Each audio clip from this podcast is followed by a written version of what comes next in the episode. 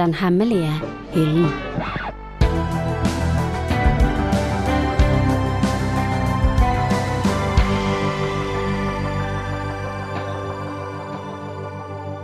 Hei, og velkommen til episode to av Den hemmelige hyllen.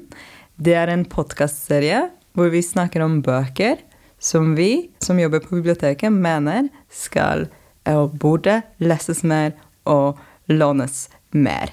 Eh, konseptet er veldig enkelt. Vi er tre litteraturformidlere som skal snakke om tre bøker og prøve å bevise dere, kjære publikum, at disse bøker fortjener en eh, sjanse.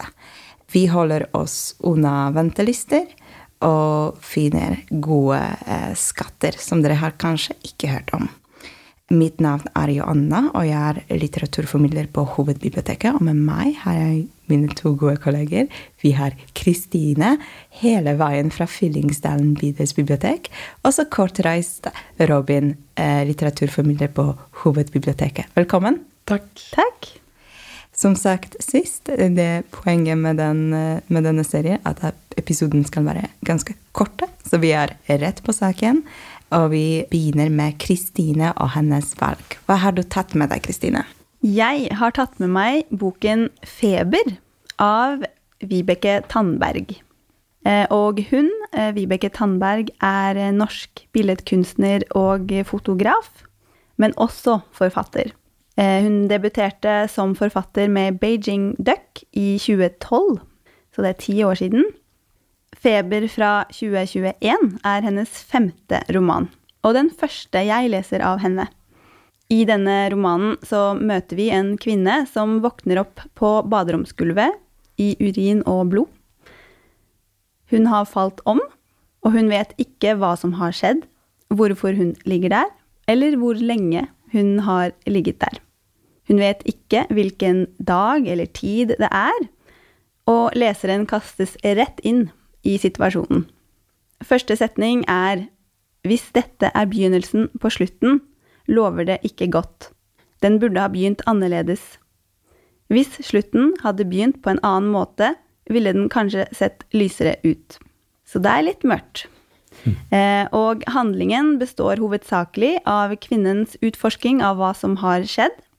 Eh, vi følger hennes tanker og indre sjelsliv. Det er eh, mange gjentagelser gjennom hele romanen, og setninger repeteres flere ganger. Jeg ser på det som et forsøk på å speile kvinnens sinn og forvirring. Språket er gjentagende og undersøkende og gjenspeiler hovedpersonens tanker, følelser og forvirring på en god måte. Og språket gir leseren en feberaktig, desorientert og svimlende følelse. Kvinnen havner til slutt på pleiehjem, eh, og der får hun tilbud om saft hele tiden. Eh, det er ganske morsomt. Hun får ikke vite hvor lenge hun skal være der, og er fortsatt fortvilet. Så dette er en roman om identitetsforvirring og virkelighetsforståelse. Eh, jeg syns den passer godt å høre som lydbok pga. språket og rytmen. Mm. Romanen er ubehagelig og mystisk, men med et godt språk.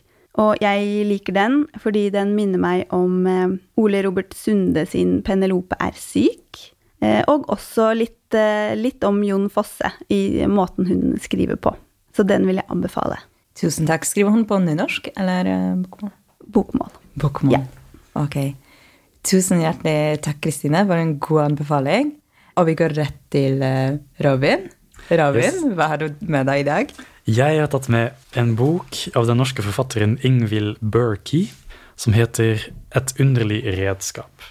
Dette er en bok fra 2017, og det er um, en samling fortellinger, står det på omslaget. Og Ingvild Berkey, først og fremst, hun er da altså født i 1967 og hun eh, har tidligere utgitt to diktsamlinger. En eh, roman og en annen samling med prosatekster. Og dette er hennes eh, femte bok, og den nyeste hittil. da. Består av 48 fortellinger, og det blir ikke riktig å kalle dem for noveller, for det er ikke tradisjonelle fortellinger på noe som helst vis. De er ofte veldig rare og liksom vanskelig å si hva de handler om. Men for meg så virker denne boka kanskje først og fremst som en slags skattkammer eller godteripose, for det er så mange ulike ting som hun skriver om. Um, blant annet noen fortellinger er som en slags framtidsdystopi, mens andre skriver hun om tropiske øyer og landskapene der.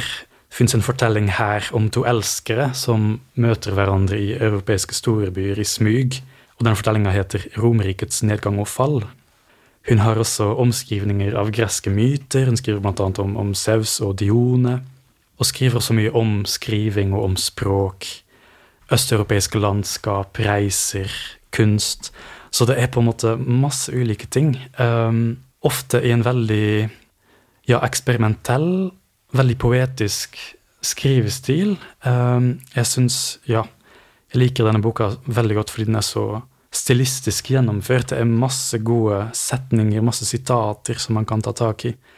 For eksempel så er det en uh, fortelling her som heter En stjålet fortelling, som um, har bakgrunn fra Bosnia-krigen eh, på 90-tallet, og det handler om en soldat som rømmer, og som stjeler papirene til en død person han finner.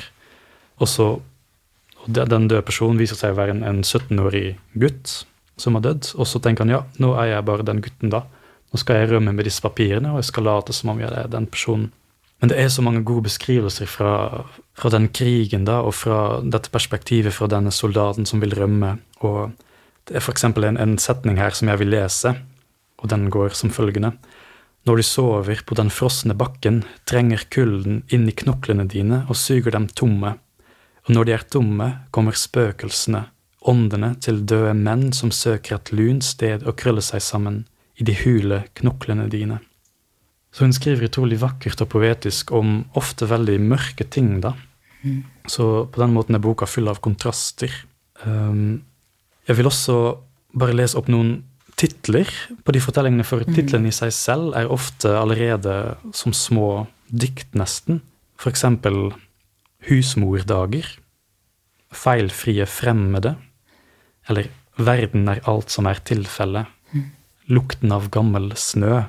Så det er rett og slett veldig mye vakkert i den. Og avslutningsvis tenkte jeg bare å lese um, prologen til denne boka, for den er også veldig fin og rar, og syns jeg oppsummerer på en måte veldig bra stemningen i boka. da. Og den går som følgende. Forestill deg en slange, at den blir flådd levende. Slangens nerver er nå blottlagt langs hele slangekroppens lengde. Alt som berører den, uansett hvor det er, berører en naken nerve. Forestill deg 10, 50, 100 slike slanger. Alle er flådd, alle er levende.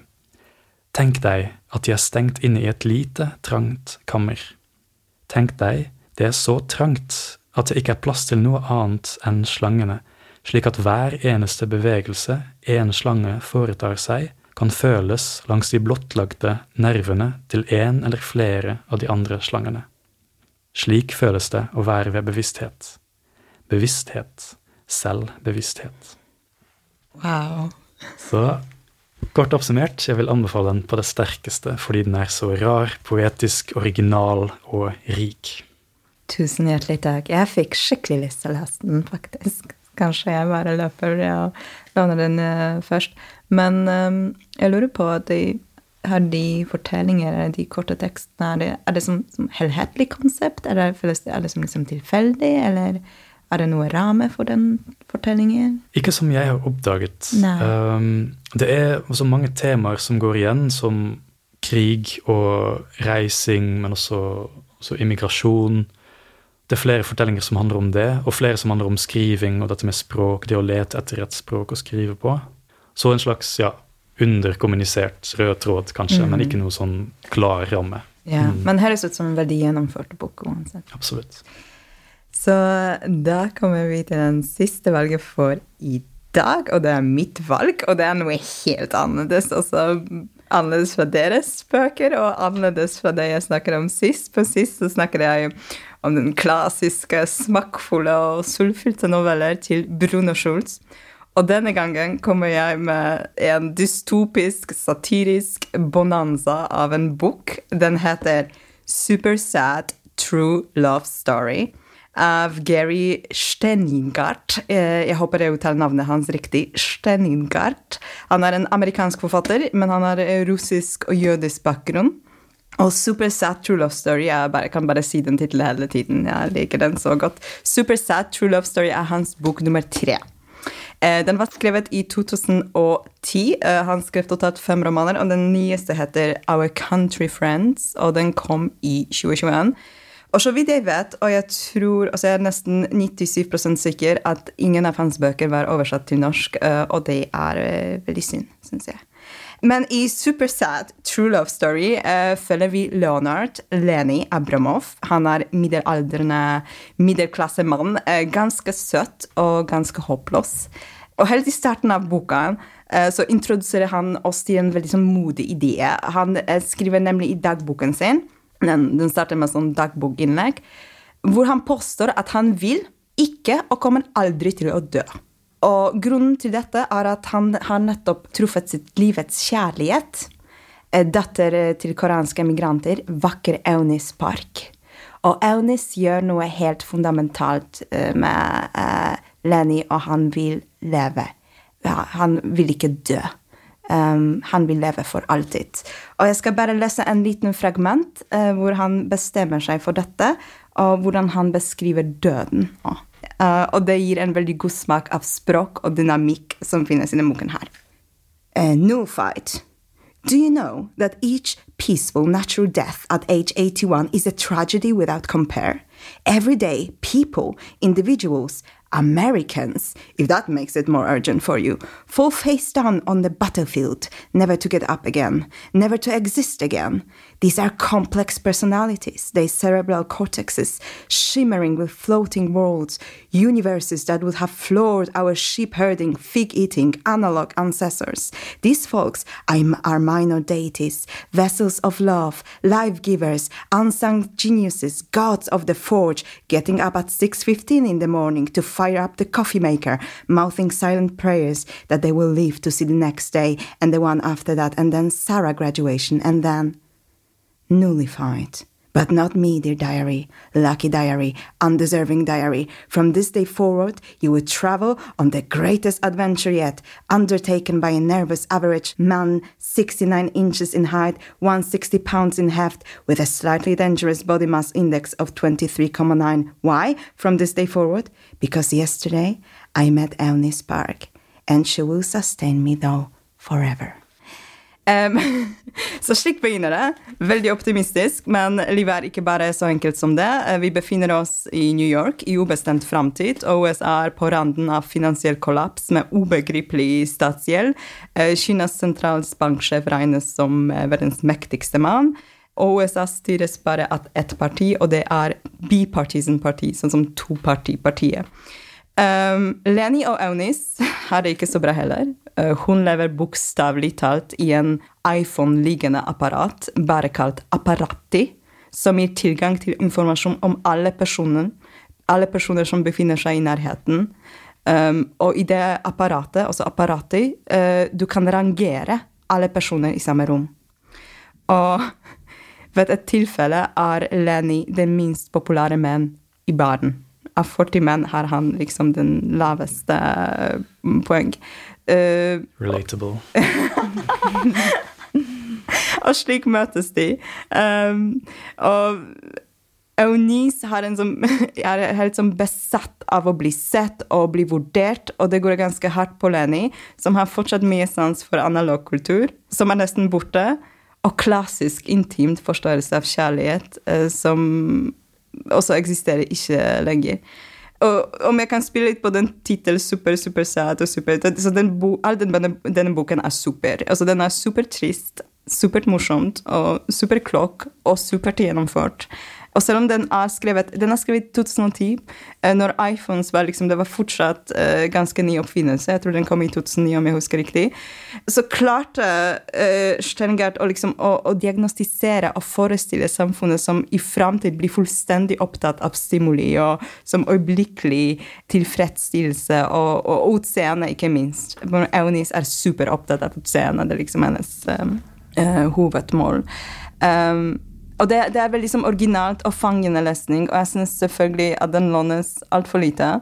Uh, og jeg tenker at den, Om jeg kan sammenligne med ham med noe, så jeg tenkte Kanskje litt som Erland Lo med på steroider. Også veldig Ja. Det er veldig liksom treffende samfunnsanalyse. Skikkelig absurd. Uh, veldig fangende. Og bare som digg leseopplevelse. Jeg, jeg husker at jeg startet å lese den i 2020, liksom rett når pandemien starta, og, og jeg lo høyt jeg lo høyt. Um, men, men, som sagt så er det også veldig sånn, triste undertoner. Og den forteller også noe viktig om samfunnet vårt, spesielt nå. Så den anbefales, anbefales på det sterkeste. Og med dette runder vi denne episoden av Den hemmelige hilden. Hjertelig velkommen til biblioteket. Lån og les, og si fra hva dere tenker om de bøkene, om, de, om dere har lest dem. Uh, ja. Takk for i dag, Robin. Takk for i dag, Kristine. Takk for Takk. i dag. Du har lytta til en podkast fra Bergen offentlige bibliotek. Du finner flere podkaster fra oss på våre nettsider bergenbibliotek.no, eller der du lytter til podkast.